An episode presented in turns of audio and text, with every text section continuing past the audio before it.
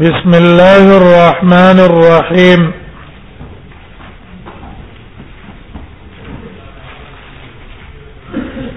باب ما جاء في الصلاة بعد العصر باب بیان د هغه حدیثو کې چې راغلي دي پای کې مونږ کول پس د مازیګر نه چې رسول الله صلی الله علیه وسلم د مازیګر نه بعد مونږ کړه ده هغه اوس بیان دی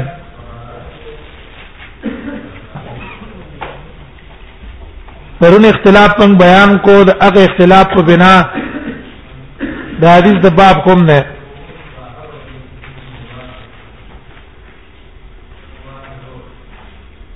داوود ظاهری او د ابن حزم رحمه الله دا غي قول لاره چې د مازیګر مانځه نه بعد نوافل جایز دي او دا منه چې دا د عند الاستواء ده عند الغروب عند الاستواء یا عند الاسترار نور جریته ورشي یا عند الطلوع او کوم احادیث کې چې من راغلي ده چې لا صلات بعد الصبح سبا راختون رست مون کیږي دا فرض مان سار مانځنه بعد نه پن لکه او د ماجیګر مانځنه مو مرست مون نه کې وې دا د سنه منسوخ دی ناسخ ولا حدیث د ام سلمہ رضی الله عنها ده چې ګور رسول الله صلی الله علیه وسلم د ماجیګر نه منم کړي او د ماجیګر مانځنه بعد په خپل نه پل کړي مونږه کړه دارنګ د صحابون آثار نقل له لکه دار قطنی روایت نقل کړه د عمر نه د عبد الله ابن عمر نه چې ورخص فی رکعتین بعد العصر ماجیګر مانځنه رسته دوه رکعات کې هغه اجازه ورکړه او عمر بن خطاب په خلق وال نو ابي رضی الله عنه ته ویل چې ګوره تا ته خپته ده چې د رسول الله صم په زمانه کې موږ دا کول تبم کول دا بم کول هغه ته ویل چې ما ته خپته ده خو تاسو د عمل د وجه نه تاسو په دې ټیم کې کوئ او خلک به تر وګوري نو بیا به پروا نه کوي په وخت د استقرار کې به هم کوي نو دیو جن تاسو من کوم صدن للذریعه وې د دې نه معلوم شو چې دا دوه رکعاته د ماجګر مانځه رستو نوافل جایز دي دوی مذهب د جمهور علما ده جمهور علما لا صلاه بعد بعد العصر حتى تغرب الشمس دا احاديث منسوخ نه وای منسوخ نه وای نو شوافی را لګی دی لري ورن من ویل چې اغه ته زوات الاسباب مستثنا کړي ذوات الاسباب تحیت الوجود لا جائز ده صلات استخاره لا جائز ده دارنګي تحیت المسجد جائز ده رکعاتات طواف برکات د طواف کې هغه پکې جائز دي هغه احادیث ته محموله په ذوات السبب نو د ام سلمې دا روایت چې کوم دی چې رسول الله صلی الله علیه وسلم دوه رکعات کړی دی محمول کړی دی په چا باندې ذات السبب باندې د رسول الله صلی الله علیه وسلم سنت قضا او داغه قضا یې رستراوړه ذات السبب باندې حمل کړ د احناب په نيز او د مالکانو په نيز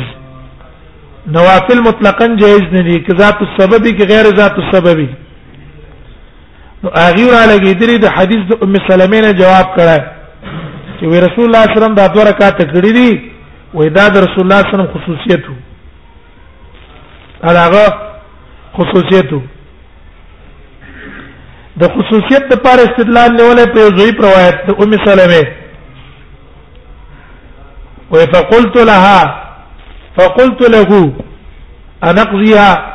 وای ما او تل اې دا الله نبی ک موږ نم دا سنت پاتې شوم به داغي قضا راوړو کنه قال لا نبی سم تاسو به قضا نه راوړی وې دې نه معلوم چې دا د رسول الله خصوصیت د استدلال د خصوصیت لپاره نیولې په حدیث د عائشه چې عائشه رضی الله عنها وايي وای کان رسول الله صلی الله علیه وسلم وای نبی صلی الله علیه وسلم ماجګر مانځه رسو دوه رکعات کول موږ به ته منه کولو وای انهارا موږ به ته منه کولو وکانه یواصل خپل به وصال کو خو موږ به وصال نه منه کولو وای دا حدیث ته معلوم چې دا رسول الله صلی الله علیه وسلم خصوصیت ده هغه جواب ته تخصیص کړه چونکه مسله د دوه رکعاتو د ماجیګر نه بعد احادیث په کې متعارض دي احادیث په کې څه دي متعارض دي نو دیو جن احتیاط هغه ده چې نه سره ته څوک منه کی او نه تخپل اوږي نه ترغیب چاله ور کی نه څوک ته منه کی لکه امام احمد نه چان چان نقل کړ چې ته په کې څه وې هغه نه کومه او نه په بد وې نه کوم نه په بد وې دیو نه سره به چاله ترغیبات دین ور کی شابه دوه رکعات دی وخت او دوه رکعات دی وخت او که چا کول رد په مکوا او چاله دې ترغیب هم ورکوا ځکه مسله څه ده متعارض ده کنه تعارض د ادله او د وجنه دې وجنه رد په پچانه کې کچا کول رد په نه کې ذکر رسول الله صلی الله علیه وسلم ثابت دي رد په کې نه دا مسله ذکر کوي باب ما جاء في الصلاه بعد العصر ما ذکر مانځه نو ستمونس کې عبد الله ابن عباس نے روایت ہے قال روى انما صلى رسول الله صلى الله عليه وسلم الركعتين بعد العصر وی رسول الله صلی الله علیه وسلم دوه رکعات کړی دي پس د ماجیګر نه وجراد لانه اتاه مال او اذا تمال راغلو فشغله عن الركعتين نو داغه تقسیم د وجنا مشغول پاتې شو د دوه رکعاتونه سنت د ماسپخیم اونکړه تر دې چې ماجیګر مونږ پر راغې نو بیا دا غي قضا رست راوړه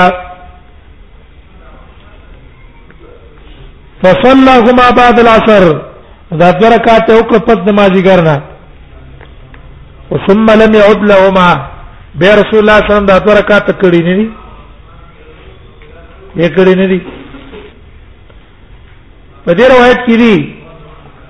چې مال تقسیمو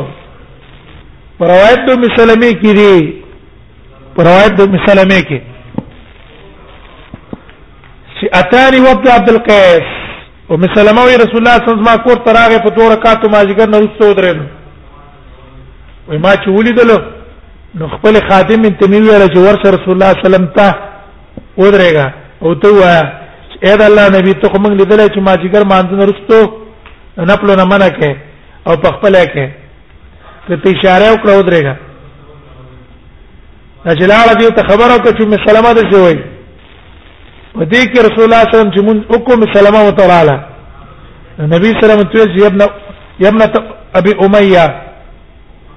دا د دوه رکعاتو بارک ته پوسو کو نو سبب دا دی چې د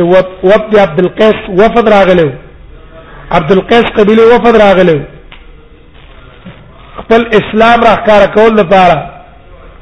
زه دا غي سره مشغول شم تر دې چې دوه رکعات د ماسپخیم را نه پاتې شو سنت اوس مې دا غي قضا راوړه نو پای کې چې وفد راغله ټیک ته وفد هم راغله تقسیم دا معلوم شه پاتې شو دا قول چې ثم لم يعد لهما عبد الله بن عباس نه راګرځیدل ام سلمہ وای چې بیا رسول الله صلی الله علیه وسلم دا مونږ نه دا کړه ما په کور کې یو ځل کړه بیا نه دا کړه دیو نه پیندي لیکن عائشہ رضی الله عنها هغه د رسول الله صلی الله علیه وسلم نه نقل کړی دی چې کله هم رسول الله صلی الله علیه وسلم د ماجګر نه بعد راغی زما په کور کې څه کول دوه رکعات به کول دا یو څه کوي مثبتین دي هغه هغه مثبت ده یا نور به صحابه مثبتین دي انس وی چې رسول الله صلی الله علیه وسلم به کول دوه رکعات هغه مثبت ته نو قاعده دا ده چې کله تعارض راشي په مابین د مثبت او د نافي کې نو مثبت په مقدمه په نافي دیو نه دی لري چې ګینه بیا رسول الله نه دی کړی عاشر د هر رسول الله سم دی لري چې کړه دیو جنا دا عاشره د رضی الله روایت نه معلومیږي وی رسول الله صلی الله علیه وسلم په جمعات کې دا دوه رکعات نه کول په کور کې به کول وی اسنا چې زما په امت باندې څه نشي دا عمل په ګران پرې نه وځي نو دا ثقلنا علی الامه وبنا په وجه رسول الله په جمعات کې نه کول جمعات نه مراغه په کور کې به کول لم يعد له ما چې ابن عباس وی دا په څه باندې وی خپل رائے باندې وی وفي الباب عن عائشه په دې باب کې د عائشه رضی الله عنها روایت هم ده اما کې موږ اوس بیان هم کو کنه او د ام سلمې هم ده د ام سلمې بیان هم موږ کو حدیث هم بیان کو او د میمونې او د ابي موسی هم ده میمونه رضی الله عنها رسول الله صلی الله علیه وسلم نقل کړی دوه رکعاتو ابي موسی هم روایت نقل کړی چې رسول الله صلی الله علیه وسلم ما جګر نه رسو دوه رکعات کول قال ابو سعيد حديث ابن عباس حديث حسن حديث عبد الله بن عباس ته حديث حسن نه وقد روى غير واحد عن النبي صلى الله عليه وسلم انه صلى وډیر کسانو د رسول الله صلی الله علیه وسلم نقل کړی دی انه صلى بعد العصر رکعتين دا ماجیګر نرست رسول الله صلی الله علیه وسلم دوه رکعات کړی انس انس ته نقل کړی عائشه ته نقل کړ عبد الله ابن عباس ته نقل کړ ام سلمہ ته نقل کړ ابو موسی شری ته نقل کړ هذا خلاف ما روانو او هذا او دا نقل کېدل د دوه رکعاتونو د نبی صلی الله علیه وسلم نه خلاف ما روانو یا مارویانو دا خلاف ته د هغه روایتونو چې د رسول الله صلی الله علیه وسلم نقل شو په پاس روایتونو کې چې رسول الله صلی الله علیه وسلم انه نهى عن الصلاه بعد العصر رسول الله صلی الله علیه وسلم منع کړی دا عن الصلاه د مانځنه بعد العصر پس نمازګر نه حتا تغرب تر دې چې نور پریوزي غره پاګه روایتونه کې دي حتا تغرب الشمس چې ماجګر مونږ دې او کو تر نور پر وته پورې تاړ پار مونږ جایز نه ده په حدیث کې نه هیدا او په دې حدیث کې د رسول الله صلی الله علیه وسلم نه څه نقل له فعل چې ګوره د ماجګر مازه رسول الله صلی الله علیه وسلم دوه رکعات کړې دي ظاهر کې تعارض شو دې وجنه اختلاف شو د اختلاف د روایتو د وجنه د علما په منځ کې څه راغی اختلاف راغی نو ابن حزم او داوودی ظاهری هغه را اولګه دل د عمل د رسول الله صلی الله علیه وسلم ناسخ وګرځاو چا لره احادیث د نهی لره او نه واتل جایز دي واتل جایز دي او شوافع راولګېدل هغه دا حدیث د ام سلمې او د ابن عباس او دا کوم روایتونه چې نقل لپس د ماجګر نه هغه احادیث ولا تو ګرځول محمول ک په ذوات الاسباب فرق ویل چې کوم نوافل ذات السببي نو نوافل ذات سبب جایز دي دا ماجیګر مانځه رسول چې رسول الله صلی الله علیه وسلم موږ کړه دا ذات سبب دی لکه تحیت المسجد ذات سبب دی دا رنګ ته رکعات طواف هم دي دا ذات سبب دی ذات سبب ته څه کړو هغه ته جائز کړ او دا حدیث محمول کړ او ذات سبب باندې او کم علما مالکیان چواپیا حنابلہ اغي ذات سبب غیر ذات سبب مثلا نه وي شوافی او مالکیان ذات سبب غیر ذات سبب نه وي احناف نو دیو را ولګیدل دیو ذات سبب او غیر ذات سبب مالکیان او احناف چې دیو قائل د ذات سبب او غیر ذات سبب فرق نه دي بلکې مطلقاً نوافل ممنوع وي هغه دا محمول کو په خصوصیت باندې چې دا رسول الله سره دا د خصوصیت ته دیو جن امام ترمذی وايي وحديث ابن عباس اصح حديث او حديث ابن عباس هي دسته قال غو حيث قال غواي چې لم يعد لهما بذل کړي بین دي کړي خداوي وقد روي عن زيد بن ثابت واذا زيد بن ثابت تم روايت نقل شوی ده نحو حديث ابن عباس وشانت ابن عباس زید ابن ثابت ته چا ویرا چې آل الزبیر د زبیر چې کوم اولاد ده هغه د ماجیګر نرستو دوه رکعات کوي او عائشه رضی الله عنها او ته بیان کړی دی چې رسول الله صلی الله علیه وسلم څه کول دوه رکعات به کول و زید ابن ثابت ویل چې الله دې په عائشه باندې رحم وکړي رسول الله صلی الله علیه وسلم خدا کړه د سبب ته وجرا چې قضا شوی او به نه دي کړی ثم لم يعدلهما به خو نه دي کړی ولیکن مخکې موږ جواب وکړو چې زید بن ثابت او ابن عباس لم يعدلهما کیدا په کوم باندې کوي په خپل علم باندې کوي عائشه په خپل علم باندې کوي د حوالي ابن عباس وقدر انا عائشه في هذا الباب او د عائشه رضی الله عنها نقل شي په دې باب کې روایت مختلف روایتونه روي انا یو روایت دام شوی دی ان النبي صلی الله علیه وسلم ما دخل عليها بعد العصر نبی صلی الله علیه وسلم هیڅ کله نه راغلی زما کور ته پس نمازیګر نه الا صلى ركعتين مگر رسول الله صلی الله علیه وسلم دو رکعات کول او وروي عنها او دا غیر دا روایت هم نقل شوی دی انو می سلام علی نبی صلی الله علیه وسلم انه نهى عن الصلاه بعد العصر چې رسول الله صلی الله علیه وسلم منع کړی د مانځنه پس د ماجیګر نه حتی تغرب الشمس تر دې چې نور پریوزي وبعد الصبح حتى تطلع الشمس او پس د سبا نه تر دې چې نور راوخیږي دا روایت هم دا غیر نقل دی دا د می سلام علی نقل دی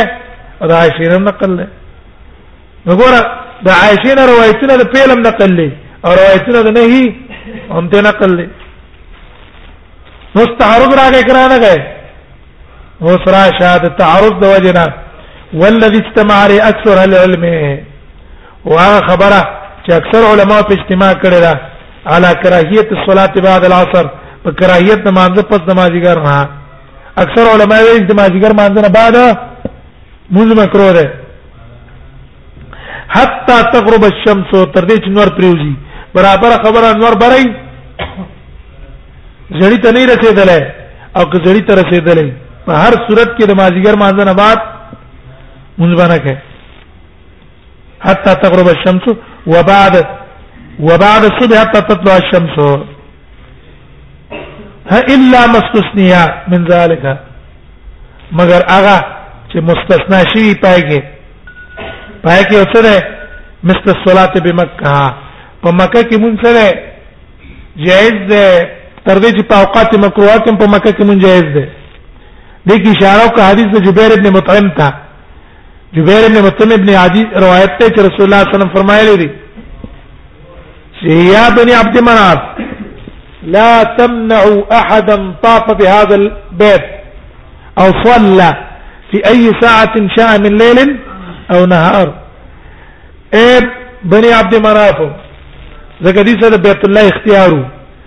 وای تاسو ممنه کوي یو تن چې طواف کوي د بیت الله یا مونږ کوي په بیت الله کې فی ای ساعت شاء من لیل او نهار په څه ټیم کې چې خوښه شولا د شپې یو کې د ورځې نو یو راغی استثناء تر غلې را چې په مکه کې د ماشګر مانځنه رستون مونږ کولای شي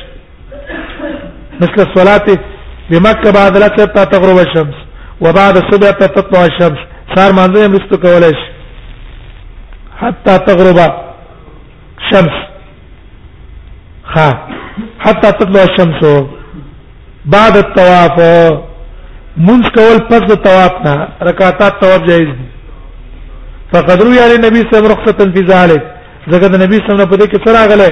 رخصت راغلې ده کنه دا حدیث ما بیان کو وقد قال به قوم من العلم او څه کسانو په دې باندې قول کړی د اصحاب د نبی صلی الله علیه وسلم نو من بعد او وبي يقول الشافعي واحمد واسحاق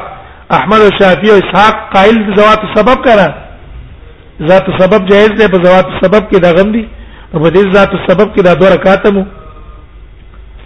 وقد كره قوم من العلم من اصحاب النبي صلى الله عليه وسلم او بعض کسانو د اصحاب د نبی صلی الله علیه وسلم نه مکروه ګڼل دی ومن بعدهم الصلاه بمکه او اوسو چې داګه نرستو دي موږ په مکه کې اذن هم بعد العصر د ماجګر نرستو وبعد الصبح پس سبانه چې مطلقاً به په مکه کې مونږ جایز نه ده او دا قول سفیان ثوری ده مالک ابن انس ته او بعض ور کوپا د بعض کوپی والا ده لیکن دریم تطبیق علما دا کړه چې دواړه د شنو من کې تطبیق دا ده لا صلاه بعد العصر مطلق نه ده مطلق نه ده په حدیث د علی باندې مقید ده حدیث د علی باندې مقید ده هغه دا چې لا صلاه بعد العصر الا والشمس مرتفعه وې د ماجیګر مانځنه رستو مون جایز نه ده الا والشمس مرتفعه مگر په هغه صورت کې جایز ده چې نور کله اوچت ولا حدیث داری امام ابو داود راوړ اگر که په دې استثناء باندې بعض علماو کلام کړی دی او څو علماو ته څه ویل ده د استثناء ته صحیح ویل ده کلام په کښتا خو لیکن ډېر علماو صحیح کړی نو چې کله دا استثناء صحیح شي نو دا حدیث د علی دا اولګې دلو دا مطلق مقید کړ لا صلاه بعد العصر کلا الا والشمس مرتفعه او رسول الله صلی الله علیه وسلم چې برکات کړی دی په کم ټیم کې کړی دی او شمس مرتفعه دی نو استا حدیث من کې څه نشته تعارض نشته چې کله د حدیث د حدیث شو دا حدیث ثابت شي نو دا مطلق په څه باندې مقید شو په دقه حدیث د علی باندې مقید شو او که چرته دا جمله ثابته نشوه څه نشوه جمله ثابته نشوه دغه دې کې یو راوی دې پاګه باندې لکه علما ته کلام کړي او که ثابت نه شو مثلا نو بیا